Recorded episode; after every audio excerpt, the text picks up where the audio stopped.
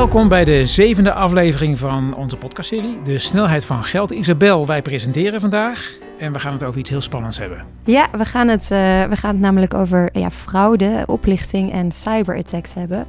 Uh, Ruud, tot nu toe hebben we het vooral gehad over vertrouwen in het financiële systeem. Maar vandaag gaan we het juist uh, ja, dus hebben over hoe dat vertrouwen wordt geschaad.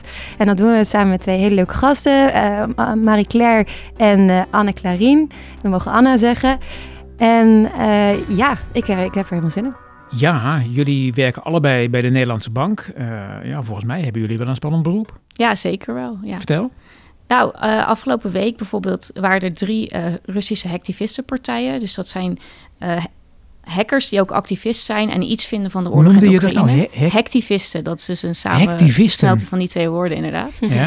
Um, ja, dat waren er dus drie en die zeiden opeens van ja, wij zijn het niet eens met dat het Westen uh, Oekraïne steunt in deze oorlog. Dus we gaan nu financiële partijen in het Westen gaan we aanvallen en gaan proberen het financiële okay. systeem daar eigenlijk te ondermijnen. Ja.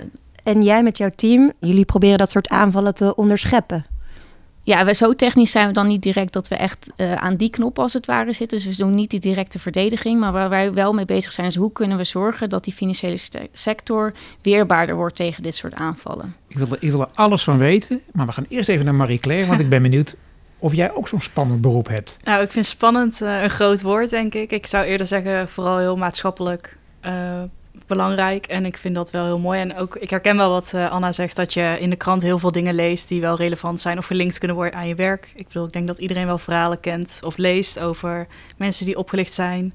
Uh, vaak hele verdrietige verhalen. En, um, dus ik zou niet per se spannend zeggen, maar ik vind dat wel heel belangrijk. Want even voor de duidelijkheid, Anna, jij hè, je bent bezig met die hackers en dergelijke en, en alles wat daarmee te maken heeft. En Marie-Claire, wat, wat is de focus van jouw werk? Uh, wij zijn meer bezig met uh, uh, oplichting en betalingskeer en fraude gevallen. En is dat dan ook met phishing? Zeg maar, dat soort... Ja, phishing is een, een hele bekende vorm van fraude, waarbij natuurlijk gegevens van mensen worden gekaapt, om maar even zo te zeggen. Ja. Um, moet wel eerlijk zeggen dat phishing steeds minder wordt in Nederland. Um, het komt met name omdat uh, er andere vormen van fraude zijn die veel populairder uh, zijn geworden. Waar wel weer phishing voor wordt gebruikt. Dus de gegevens worden nog steeds gestolen van de mensen. Uh, maar we zien vaker nu bijvoorbeeld bankhelpdesk fraude. waarbij iemand wordt opgebeld en wordt gedaan alsof hij of zij gebeld wordt door een bankmedewerker. Oh joh. Ja. daar trappen mensen toch vaak in. En wat, en wat doet jouw team daar, daartegen om dat soort... Nou, het is met name eigenlijk de banken die natuurlijk heel veel fraudemaatregelen uh, klaar hebben staan en, mm -hmm. daar heel erg mee druk mee bezig zijn om hun systemen goed op orde te hebben. Maar vanuit de Nederlandse bank kijken we met name um, hoe kunnen we met alle maatschappelijke organisaties die signalen snel doorgeven. Want nou, je zag bijvoorbeeld ook met corona dat er heel snel nieuwe vormen van fraude kwamen. Hm. En we kunnen door met die, we zijn dicht in contact met de maatschappelijke organisaties, zoals nou, bijvoorbeeld de oudere bonden, maar ook de horecaondernemers bijvoorbeeld. En daarmee uh, kunnen we snel die signalen weer doorgeven aan de banken. En ook aan het OM en aan de politie. Dus je probeert snel dingen te detecteren en ja. dan het, die informatie te verspreiden naar de juiste organisaties, zodat nou ja, iedereen ervan op de hoogte is en er verder ook als maatschappij iets aan kunnen doen. Ja, dus zowel aan de bankenkant als aan de, aan de maatschappelijke kant. Dus de oudere bonden kunnen bijvoorbeeld hun achterban daarover informeren. Ja. En dat is wel heel belangrijk, want de criminelen zijn heel snel. Dus dat moeten wij, uh, moeten wij ook zijn. En het brengt natuurlijk ook heel veel maatschappelijke uh, onrust. Als je, nou ja, ik weet ook nog wel al die phishing mails. Dat je er ook een beetje bang zelf van wordt. Van waar kan ik nou nog wel. Dus het is wel ook een heel maatschappelijk probleem. Ja, zeker. En het is ook wel vaak dat mensen denken: oh, het zal mij niet gebeuren. Maar stiekem gebeurt toch best vaak uh, dat mensen slachtoffer worden van fraude. Ook al denken ze dat ze dat nooit zouden worden. Kijk, dat, dat vind ik interessant, hè? Want kan jij dan praktische voorbeelden geven van wat mij nou kan overkomen, bijvoorbeeld? Um, nou, bijvoorbeeld um, oplichting via Marktplaats. Dat gebeurt natuurlijk. Ja, dat is wel dus een speciale dan koop iets, dan koop je iets, maar dan krijg je niks. Andere voorbeelden? Uh, andere voorbeelden zijn nou, de laatste jaren zien we ook steeds meer vriend in nood oplichting. Waarbij je dus uh, bijvoorbeeld uh, geappt wordt door je dochter of zoon of door je moeder of door je vader. Van goh, ik heb mijn telefoon is kwijt. Uh, ik heb nu geld nodig, anders kom ik niet thuis. Papa, wil je alsjeblieft 500 euro ja, voor maken? Ja, dat soort uh, berichtjes uh, zien we ook wel steeds meer. En dan ben je toch snel geneigd om te denken van... ja, het klopt, ik heb een dochter en ja, het kan zijn inderdaad dat ze de telefoon kwijt is... Ja. en dat ze toch geld nodig heeft. Ik, ik maak wel even 100 of 200 euro. Mijn vader heeft ze ook wel eens gehad. Zeg maar zo'n zo'n sms'je. Dat wij met z'n... Nou, ik heb twee zusjes, dat we met z'n drie aan tafel zaten. En dat hij zei van... Goh, een van jullie uh, bericht me nu dat ze iets met een telefoon... Uh, of, of ik even geld over... Dus het is ook best wel, nou ja, sophisticated eigenlijk. Ja, precies. En dan ben je erbij en dan, dan trap je er niet in. Nee. maar het kan ook zo de andere kant op gaan, ja. Ja, hey, wat ik nou zo lastig vind, hè, want dat, je, je, geeft dan dat voorbeeld inderdaad van dat je zo'n sms'je krijgt. Maar ik krijg soms ook mail van, van een bank of zo, weet ik veel. En dan vertrouw ik dan ook niet meer. Dan denk ik, ja, weet ik veel of dat nou echt is. Ja, nee, dat snap ik. En dat is ook de andere kant van het verhaal. Je wilt zoveel mogelijk voorkomen, maar je moet ook wel zorgen dat de berichten die van banken binnenkomen, dat die wel ook nog steeds aankomen bij de mensen. Uh, dus er zijn allerlei uh, factoren hoe je kan checken of de link uh, goed werkt of die uh, officieel, de officiële link is, of het telefoonnummer klopt, of het rekeningnummer klopt. Of het dat soort dingen. afzender, het e-mailadres. Afzender, eh, e-mailadres moet je altijd goed controleren. Soms dan staat er bijvoorbeeld de naam van een bank. At, uh, dit is niet de bank.nl bijvoorbeeld. Dus het is gewoon ja. heel.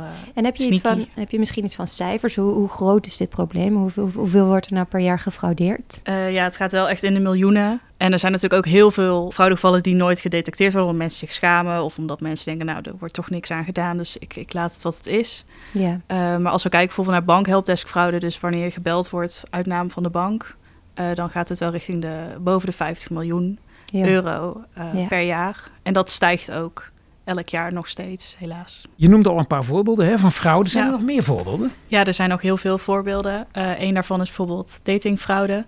Waarbij... datingfraude. Datingfraude, ja. Kun je er iets bij voorstellen? Nou ja, dat heeft vermoedelijk te maken met dat twee mensen elkaar opzoeken. Maar... Ja, ja, het is eigenlijk dat de, de fraudeur, dus degene, de crimineel, wil, probeert dan dat het slachtoffer verliefd wordt op, uh, op hem of haar. Uh, en daarna gaat hij of zij vragen van, goh, uh, ik heb geld nodig, dit soort dingen. En daar gaat heel veel geld in om ook. Dus uh, dat is een van de vormen die ook wel steeds vaker voorkomt. En die gaan vanaf volgend jaar ook monitoren, omdat dat uh, toch wel belangrijk is. En ik, ik, kan me voorstellen dat vooral jongeren daar dan slachtoffer van zijn. Nee, dat nee? hoeft niet per se. Dat okay. kunnen ook, uh, er zijn natuurlijk ook heel veel mensen die op jonge leeftijd of op oudere leeftijd juist minder okay. hun partner verliezen. En dan opnieuw beginnen met daten. Die zijn ja. daar ook wel gevoelig voor natuurlijk. Ja, ja. verblinde liefde. Iemand probeert iemand te verleiden, zodat hij verliefd op hem wordt. En gaat het dan vooral om ja, bonbons en bloemen en diners? Of... Nee, het gaat wel echt om geld. Uh, en dus, uh, soms is het in de vorm van een lening, maar het kan ook inderdaad in de vorm van een gift zijn dat, um, dat de persoon uh, bijvoorbeeld geld overmaakt naar, naar die persoon om, dus... om te houden, zeg maar. Maar vaak is het ook wel dat, dat de fraudeur vraagt om een lening met het idee van ooit krijg je het terug, maar dat gebeurt dan meestal En dat is dan valse hoop eigenlijk. Ja, ja, eigenlijk wel, ja. ja. Nou las ik ook laatst iets over CEO-fraude. Wat is dat dan? Uh, ja, dat is ook een vorm van fraude. Het lijkt een beetje op uh, dat de vriend in nood uh, fraude waar we het al over hadden. En dat is eigenlijk dat mensen een brief krijgen, bijvoorbeeld van een bank. En dan staat daar een hele hoge, bijvoorbeeld een manager of een directeur van die bank staat dan onderaan ja, die brief. En daardoor zijn mensen heel snel geneigd om dat te geloven. Van, goh, ja. oh, die naam heb ik wel eens in het nieuws gehoord. Nou, dat zal zeker wel, wel echt zijn. Dan kan ik nu in dit geval mijn pincode wel opsturen, bijvoorbeeld. Maar dat moet je natuurlijk nooit, nooit doen. Nou, die uh, waarschuwing is een, een mooie overgang uh, naar een, uh, een, gesprek, Isabel, wat jij hebt gevoerd met iemand van de politie. Ja, dat klopt, Ruud. Ik heb een tijdje geleden gesproken met Gina Doekie. zij is cybercrime specialist bij de politie. En ja, ze heeft me ontzettend interessante dingen laten zien waar ik ook een beetje van geschrokken ben. We gaan er naar luisteren. Gina, we kijken hier naar een, een laptopscherm en ik zie allemaal cijfers en letters. Ja, hele lange slierten met cijfers en letters en het beweegt heel snel. Uh, er komen telkens nieuwe bij en onderaan gaan er juist telkens oude af. Waar kijken we eigenlijk naar? Ja, dit is een uh, wifi-scan. Maar dat zal ik zo wel even uitleggen. Ja, want jij weet hier natuurlijk heel veel vanaf. Jij bent uh, cybercrime specialist bij, bij de politie. Maar vertel even wat je daar precies doet. Ja, ik ben dus uh, Gina Doekie. Ik werk uh, bij de politie bij de recherche eenheid Den Haag als cybercrime specialist uh, in het cybercrime team, hele mond vol. maar wij zijn eigenlijk dagelijks bezig met het opsporen van cybercriminelen en voornamelijk echt complexe cybercrime zaken. Ja, en cybercriminelen, dat zijn dus uh, ja, mensen die gebruik maken van de data die wij ja, met onze telefoon of ook de laptop uh, iedere dag, telkens iedere minuut uitzenden. En die data die vangen zij op de een of andere manier op en die gebruiken zij om geld te verdienen eigenlijk. Dat is hun verdienmodel, toch? Ja, data is natuurlijk heel veel geld waard uh, voor cybercriminelen en daar is een hele ondergrondse wereld in gaande en waarin zie je data wordt verkocht en aangekocht voor dus heel veel geld. Um, en heel veel dingen wat wij niet weten, is dat wij die data aan hun eigenlijk geven. Want um, hier zie je dus een wifi-scan. Ik heb een um, wifi-adaptertje uh, aangesloten op mijn laptop.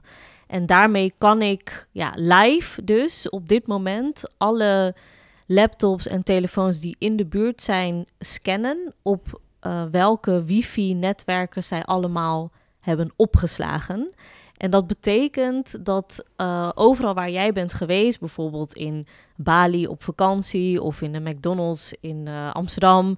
Of bij de Nederlandse bank hier. Of het, ja. inderdaad waar je werkt, uh, kan ik uitlezen. En zo kan ik iemand traceren. En zelfs met een wifi-naam, dus een netwerknaam, kan ik via deze website wiggle.net, kan ik zelfs een locatie erbij vinden en dus zien waar je woont. Dus als jij mijn, uh, de naam van mijn, mijn wifi-router van mijn huis hebt, dan kan je dat intypen in deze website. En dan kan je dat precies lokaliseren op de Nederlandse kaart. Ja, ja dat zou Goh, kunnen. Dat is wel, en dat uh, is dat best is wel wel eng. eng. Ja, Ja. En, en gewoon scary. En dat bet- dus het betekent eigenlijk dat ehm, eh, dus alles wat waar je ooit verbinding mee hebt gemaakt op je wifi, op, met wifi, dat zou ik kunnen uitlezen. Want jouw telefoon zoekt constant naar deze opgeslagen wifi-netwerken. En dat vang ik eigenlijk hier op. En dat zou ook nog kunnen betekenen dat ehm, een cybercrimineel s- zo'n wifi-netwerk zou kunnen opzetten. Een valse, zeg maar een vals eh, wifi-netwerk. Waar jij dan automatisch verbinding mee maakt. En dan kan hij dus echt alles zien wat je doet op je telefoon. Ja, want dat was inderdaad mijn volgende vraag. Hoe maken cybercriminelen dan gebruik van die data? Maar dat Ja. kunnen ze dus op deze manier doen. Ja, als eerste is je data dus veel geld waard. Dus eh, waar je woont, eh, waar je allemaal bent geweest. Dus dat kunnen ze doorverkopen. Maar ze kunnen dus ook een man-in-the-middle attack uitvoeren, heet dat technisch. En dan betekent echt dat ze ja, tussen dus, eh, jouw verbinding eigenlijk eh, overnemen. Hm. En alles kunnen zien wat jij doet. En ook eh, jouw internetbankieren bijvoorbeeld, als jij dat aan het doen bent, eh, volgen of ehm, ja, manipuleren. Al je wachtwoorden inzien. Als je een documentje met eh, wachtwoorden op je desktop hebt staan, Ja. dan... eh, Ja, ja, dat is een hele goeie. Dat doen ook heel veel mensen nog. Eh, gewoon in een tekstbestandje op je laptop wachtwoorden opgeslagen. Maar als zij dus daar toegang tot hebben, ja, dan hebben ze toegang tot alles. ja. Zo heb ik ook deze website bijvoorbeeld. Dat is, een, is insecam.org. Daar zie je alle camera's die geen wachtwoord hebben. eh, waar je dus gewoon live mee kan kijken. En ik heb hier Nederland aangeklikt. Ja, nou, ik scroll er even doorheen, want eh, wat, ik zie is inderdaad een, een computerscherm met eh, drie eh, ja, webcambeelden of, of beveiligingsbeelden eigenlijk. Maar aan de linkerkant zie ik een, ja, een beveiliging die op ja, een tuin gericht is. Ik zie, ik zie ook een hondje, dat is best wel spannend. Dat je gewoon, oh, en hier een poeltafel. Ja. Eh, je kan gewoon live meekijken met deze be- beveiligingscamera's Het eigenlijk. zijn dus beveiligingscamera's, dus denk ook aan je ringdoorbel bijvoorbeeld. Eh, Oh. Meestal hebben mensen dat wel beveiligd, maar je zou wel kunnen, ehm, ja, het, je, iemand, een kwaadwillende, zou daar toegang tot hebben en dan kunnen ze dus altijd zien wanneer je thuis komt, ja. wanneer je weggaat. Ja, hier zie ik inderdaad zo'n ring doorbel. Dus dat is een, eh, ja, een klein cameraatje wat in de deurbel zit van iemand, denk ik. Die dan, dan gericht is op de, op de voor, voorlaan. En nou, daar kan ik dus gewoon zo eh, live bij meekijken. Ja. En dit is dus wat ik hiermee wil laten zien, is ook dat het heel belangrijk is om je apparaten te beveiligen. Ja, Eh, dit noemen we specifiek Internet of Things, IoT-beveiliging. en dat Ja. betekent ja, dat tegenwoordig zijn heel veel apparaten op het internet. Dus denk aan je koelkast of ehm, nou, dus een doorbel.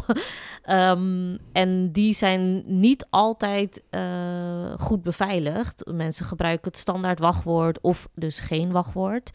En ja, dan kunnen mensen van overal in de wereld en dus cybercriminelen ook toegang krijgen tot deze systemen en ook waardevolle informatie verkrijgen die dus weer geld waard zijn. Dus het is heel belangrijk om altijd je wachtwoorden te veranderen van, van nieuwe apparaten. Dus nooit admin, admin of 1, 2, 3, 4, 5, 6, 7, 8. Uh, dat is ook iets voor mij. Ja, ja. Een realisatie, denk ik. Ja, klopt. En uh, ook verschillende wachtwoorden gebruiken voor al je accounts. Dat is heel belangrijk, want als je één keer bent gehackt ergens ja. en dat account op meerdere, ja, dat wachtwoord op meerdere accounts gebruikt, dan, uh, ja, kunnen, dan kunnen, dan weten cybercriminelen dat ook en dan kunnen ze daarbij.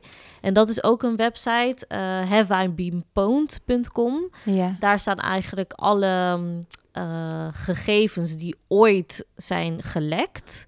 Uh, op en daar kan je je e-mailadres invoeren en kijken of je dus in zo'n datalek staat. Oké. En dat is ook weer zoiets. Een datalek is eigenlijk ja, um, een bedrijf of, uh, ja, waar jij een account op had, die dus gehackt is door cybercriminelen. En die data is dus gelekt uh, of openbaar, of ze hebben het doorverkocht aan andere cybercriminelen. En ja, daar is dus een hele ondergrondse wereld in, waar heel veel geld voor wordt gemaakt. En op deze website kan je dus zien of je data ooit is gelekt. En als dat zo is, is het dus belangrijk om je wachtwoord te veranderen. Om je daar goed van bewust te zijn. Uh, maar heel veel bedrijven weten het niet eens, of wij weten het niet. En dat gebeurt dus op de dark web. Uh, dat kan ik ook hier laten zien. Dat is een dark web forum. Uh, waar bijvoorbeeld je ziet van zoveel database leaks voor 100 dollar kan je kopen. Nou, dat gaat dus uh, zo de hele tijd door. Heel veel mensen zitten hierop die dan uh, bedrijven proberen te hacken, vertrouwelijke informatie zoeken en dat dus verkopen op het dark web. En dat weten we dus niet eens. Dus het nee. is ja, belangrijk om je accounts goed te beveiligen en regelmatig je wachtwoord te veranderen. Ja, heb je nog meer tips hoe we dit kunnen voorkomen? Uh, in het begin vertelde ik over de wifi-scans. Uh, de wifi-netwerken die jij continu uitzendt.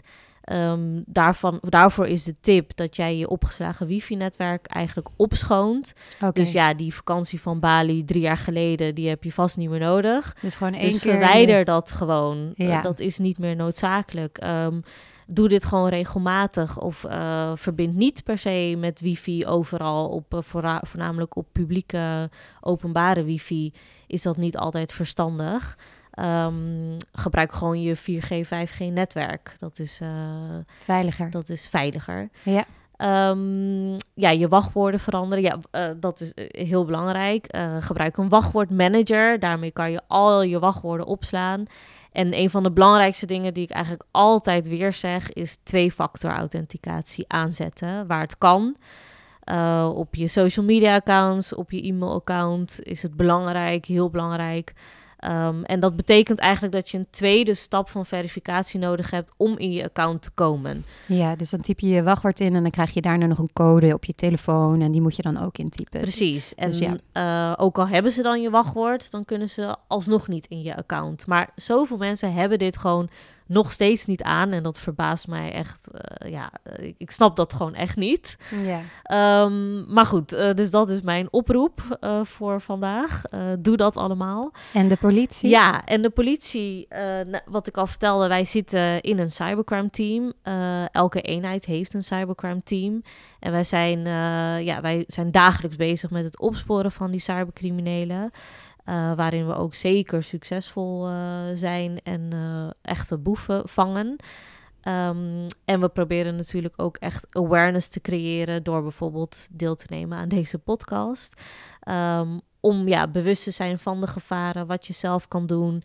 doe altijd aangifte als je wel bent gehackt. want zo kunnen wij natuurlijk daar weer mee aan de slag om, om een opsporingsonderzoek op te starten. En hoe meer mensen aangifte doen, hoe meer aanknopingspunten wij hebben om ja, een, een, een zaak uh, op te sporen. En vangen jullie ook wel eens een boef? Zeker, ja, ja, ja, dat is natuurlijk het, het spannendst. Um, ik, eh, wij hebben uh, regelmatig invallen waarin we een arrestatie doen. Uh, een doorzoeking. En um, ja, dat, dat is het spannendste van, van ons werk. En daar. De kerst op de taart. ja, ja, zeg. ja, soms duren onderzoeken ook uh, wat langer. En dan als je dan eenmaal dat hebt, dan ja, zijn wij natuurlijk altijd blij. Um, maar goed, ja, we moeten wel ook met z'n allen ervoor zorgen dat dit steeds minder vaak voorkomt. En ja. die cybercriminelen worden gewoon steeds inventiever en innovatiever. Uh, zoals het gebruik van AI-tools. We kennen allemaal... Uh, artificial intelligence, ja. Artificial intelligence.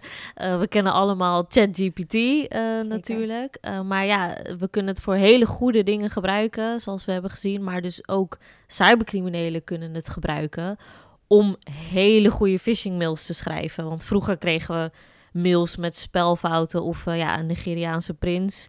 Uh, belofte die je wel uh, wist. Maar nu ja, kan gewoon een cybercrimineel in een ander land gewoon helemaal perfect Nederlandse phishing mail schrijven. Ja, ja, dus op die manier worden ook nou, digitale ontwikkelingen ingezet door, door cybercriminelen. Zeker. Ze weten dat wij gewoon nog steeds niet heel veilig op het internet wanen. En daar maken ze gewoon gebruik van. Dus wij geven eigenlijk ook, uh, ja, wij reiken de cybercriminelen eigenlijk bijna de hand toe. Van we presenteren onze data op een, uh, op een presenteerblaadje van kom we maar halen. Dus, ja. ja, en kijk, er zijn steeds minder woninginbraken. Maar ja, onze woning beveiligen we wel. Of zetten we onze dierbaar of uh, ja, onze kostbare spullen in een kluis. Maar dat doen we dus digitaal niet. Dat doen we niet om nee. ja, onze wachtwoorden in een kluis te zetten. Dus ja, dat, dat verbaast mij steeds vaker. Want je digitale identiteit is veel geld waard. Um, maar ook het kan heel veel schade aanrichten. Emotioneel, financieel. Uh, kan je gewoon heel veel impact daarvan hebben. En iedereen heeft het te maken met cybercrime. Uh, ik, ik, denk dat iedereen wel een phishing mail heeft ontvangen of iemand kent die slachtoffer is geweest. Dus ja, ik vind dat we echt uh, meer moeten doen aan onze digitale beveiliging. Nou, dat is uh, een hele mooie, duidelijke boodschap, denk ik, van, van Gina, Gina Doekie. Dankjewel. Dank je. Ja, Isabel, dat was, een, uh, dat was een interessant gesprek wat jij met Gina had. Ik vond het ook wel een beetje schokkend eigenlijk om gewoon uh, nou ja, heel concreet te zien wat, er, wat voor data mijn telefoon en mijn computer allemaal uitzendt zonder dat ik me daar bewust van ben. Ja, nou, Gina heeft ons uh, gisteren ook nog gebeld. Want ja. ze wist te vertellen dat nog niet zo lang geleden de, de, politie samen met de FBI en Europol bij een operatie die zij het Cookie Monster. Je kan het bijna niet geloven, maar het Cookie Monster hebben genoemd. um, dat ze in 17 landen invallen hebben gedaan en daar um, uh, ja, een, een, een, organisatie hebben kunnen aanpakken die inloggegevens verhandelt. Daar hebben ze ook uh, verdachten opgepakt. En daarmee uh, een eind gemaakt aan iets wat inderdaad heel veel mensen kan treffen. Namelijk dat jouw gegevens ineens plotsklaps daar terechtkomen waar ze helemaal niet horen. Ja, en dan verhandeld kunnen worden voor heel veel, uh, heel veel geld. Dus, Precies. Uh... Anna, um, ja, jij zei het in het begin al, hè? jij bent met enorm spannende dingen bezig. We hadden het over de hectivisten. Wat, wat is jouw dagelijkse werk eigenlijk? Doe jij s ochtends je computer aan en uh, ga je dan een instelling aanvallen of zo? nou, nee, dat, dat net niet. Um, uh, als ik dat zou kunnen, zou ik denk ik ook niet hier werken. DNB heeft zelf natuurlijk geen hackers in dienst. Dat is hele specialistische kennis. Mm -hmm. Maar uh, mijn uh, afdeling houdt zich bezig met welke dreigingen komen op ons af als financiële sector. Dus we doen een stukje intelligence werk. We doen een stukje beleidswerk wat erbij past. Maar daarnaast runnen we het TIPER-programma. TIPER? ja, het TIPER-programma. Dat is een programma waarin wij uh, financiële instellingen begeleiden met het uitvoeren van ethische hacktesten. Dus zij huren dan hackers in. Okay. Die gaan kijken inderdaad welke dreigingen komen er op mijn instelling af. En dan gaan ze een aanvalsplan maken wat lijkt op wat er in de praktijk zou kunnen gebeuren. Dus ze worden echt letterlijk aangevallen door die hackers? Ja, en dat weten dus ook maar een handvol mensen in die organisatie dan. Dus uh, meestal zijn het er een stuk of vijf. Het is eigenlijk een soort van brandoefening. Alleen dan ja. in de vorm van een, uh, van een hack. Ja, dus het moet zoveel mogelijk op de praktijk lijken. En uh, nou, ik moet zeggen, we hebben nu meer dan 40 testen gedaan en dat is enorm succesvol gebleken. Succesvol. ja. hoe, hoe, interpreteer je dat? Bedoel je dan zeg maar dat, dat, de, dat, dat de hackers er doorheen zijn gekomen? Of succesvol dat ze juist zijn tegengehouden door de bank of de financiële instelling? Ja, het doel van Tiber is dat de instelling leert hiervan. En in die zin zijn we dus heel succesvol dat ze veel hebben geleerd. En daarbij hoort dus inderdaad ook dat er best wel het een en het ander is fout gegaan bij die instellingen. Dus zeker instellingen die je voor de eerste keer hebben getest, dan zie je gewoon dat er nog uh, bepaalde poortjes openstaan, dat hackers er nog best wel doorheen kunnen komen. Maar gelukkig zien we dus ook na een tweede of een derde test dat het echt veel beter is geregeld. Dus uh, het programma heeft heel veel zin gehad. Dat ze ervan leren. Hey, En uh, ik, ik, weet niet wat je erover mag zeggen, want het is natuurlijk allemaal erg geheim en zo. Ehm, maar wat gebeurt er dan als die hackers daar doorheen komen? Kunnen ze dan inderdaad de hele zaak platleggen? Ja, dat ligt een beetje ook aan wat de hacker wil. Want we kijken vaak naar capability, dus wat kunnen ze? Mhm. En intent, dus wat willen ze? Um, sommige hackers hebben inderdaad zo'n capability. Dus die, die hebben de vaardigheden om in principe zo'n instelling plat te leggen. Dat kost echt jaren soms hoor, voordat ze dat kunnen. Ja?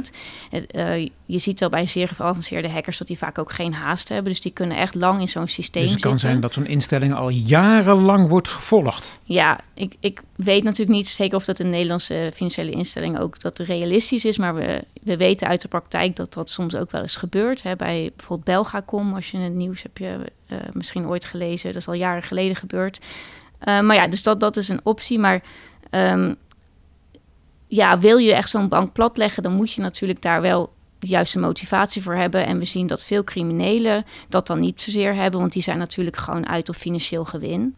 Maar kijk je naar hackers. Dus die willen bitcoins. Ja, bitcoins of gewoon uh, geld. Nou ja, nog, nog handiger natuurlijk. Ja.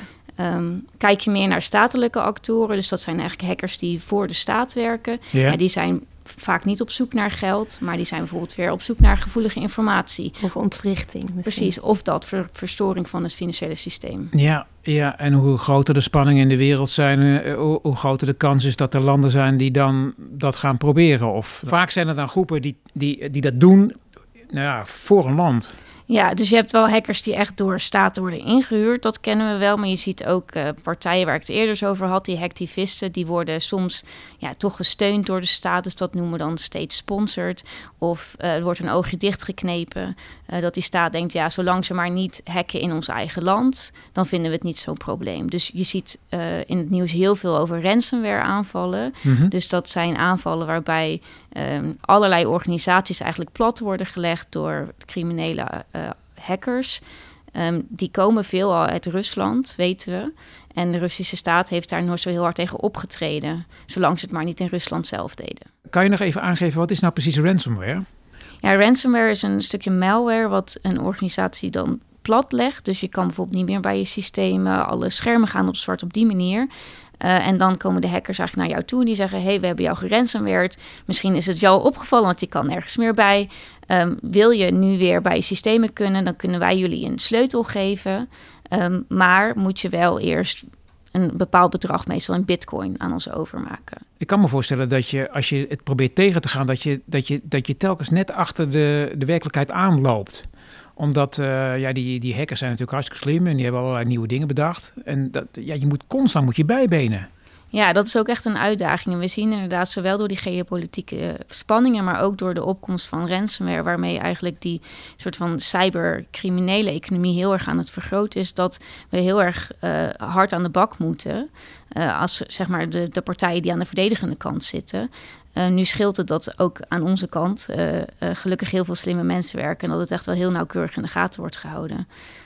Maar ja, die ontwikkelingen gaan inderdaad heel snel. Dus het, je ontkomt er niet aan dat je af en toe achter de feiten aanloopt. Ja. En je zei vergroten. Heb je, kan je enig idee geven over hoeveel geld er nu in omgaat in die cyberattacks?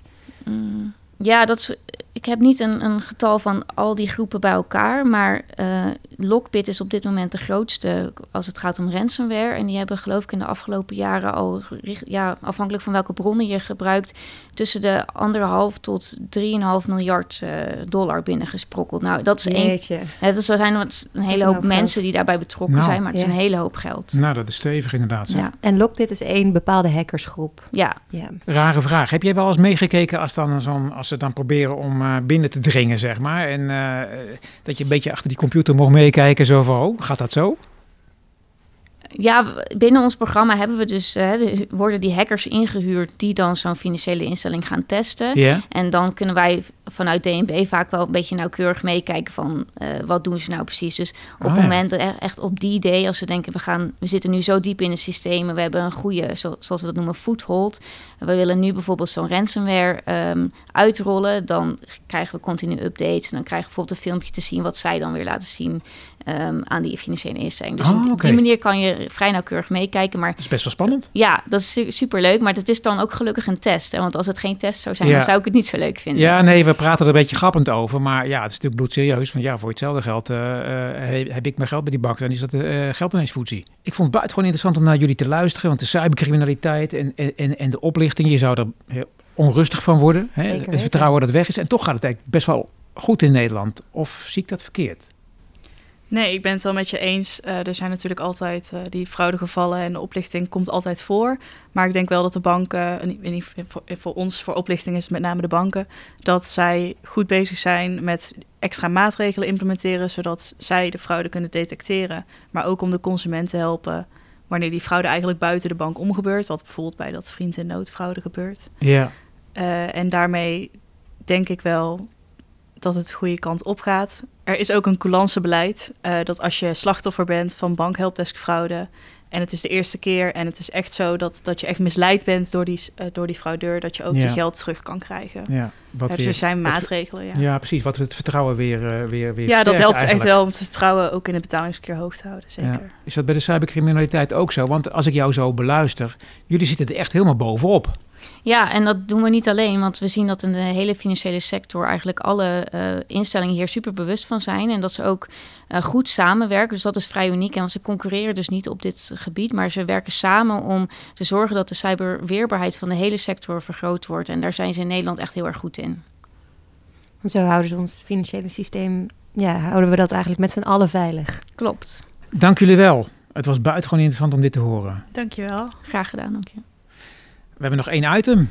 Ja, het slot met Knot, daar gaan we naartoe. Ruud, ik, nee, heb jij een goede vraag voor Klaas? Nou, ik wil wel eens weten of uh, zijn naam misbruikt is om uh, anderen te verleiden om, uh, om geld weg te geven. De CEO-fraude. Ja. Ha Klaas, daar zijn we weer met een vraag. Um, je hoort steeds vaker over CEO-fraude, dus oplichting door het gebruik van de naam van een bekend persoon. Heb jij dit wel eens meegemaakt?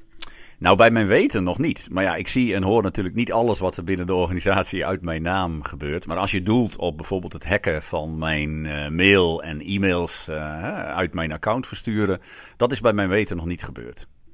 Gelukkig, zou ik zeggen. En dit soort uh, oplichting tast natuurlijk het vertrouwen aan. hoe voorkomen we dat? Ja, dat is absoluut waar. En dit heeft natuurlijk alles te maken met cyberfraude. en ja, het enige wat we kunnen doen is in ons eigen gedrag daar ons zoveel mogelijk van bewust zijn. Dus wachtwoorden moeten echt om de zoveel tijd vernieuwd worden. Het is heel aantrekkelijk om vast te houden aan dat, hè, dat ezelsbruggetje met misschien je vrouw, je kinderen, je trouwdag of weet ik wat erin. Maar elk wachtwoord, naarmate het langer wordt gebruikt, wordt op een bepaald moment kwetsbaar. En cyberrisico's hebben juist vaak met dit soort kleine dingen van doen. Het gaat uiteindelijk om menselijk gedrag. Oké, dankjewel. Dit was de zevende aflevering van de podcast De Snelheid van Geld. De volgende keer hebben we de laatste aflevering, Isabel. En die gaat over de fascinerende vraag: Wat doet geld met je?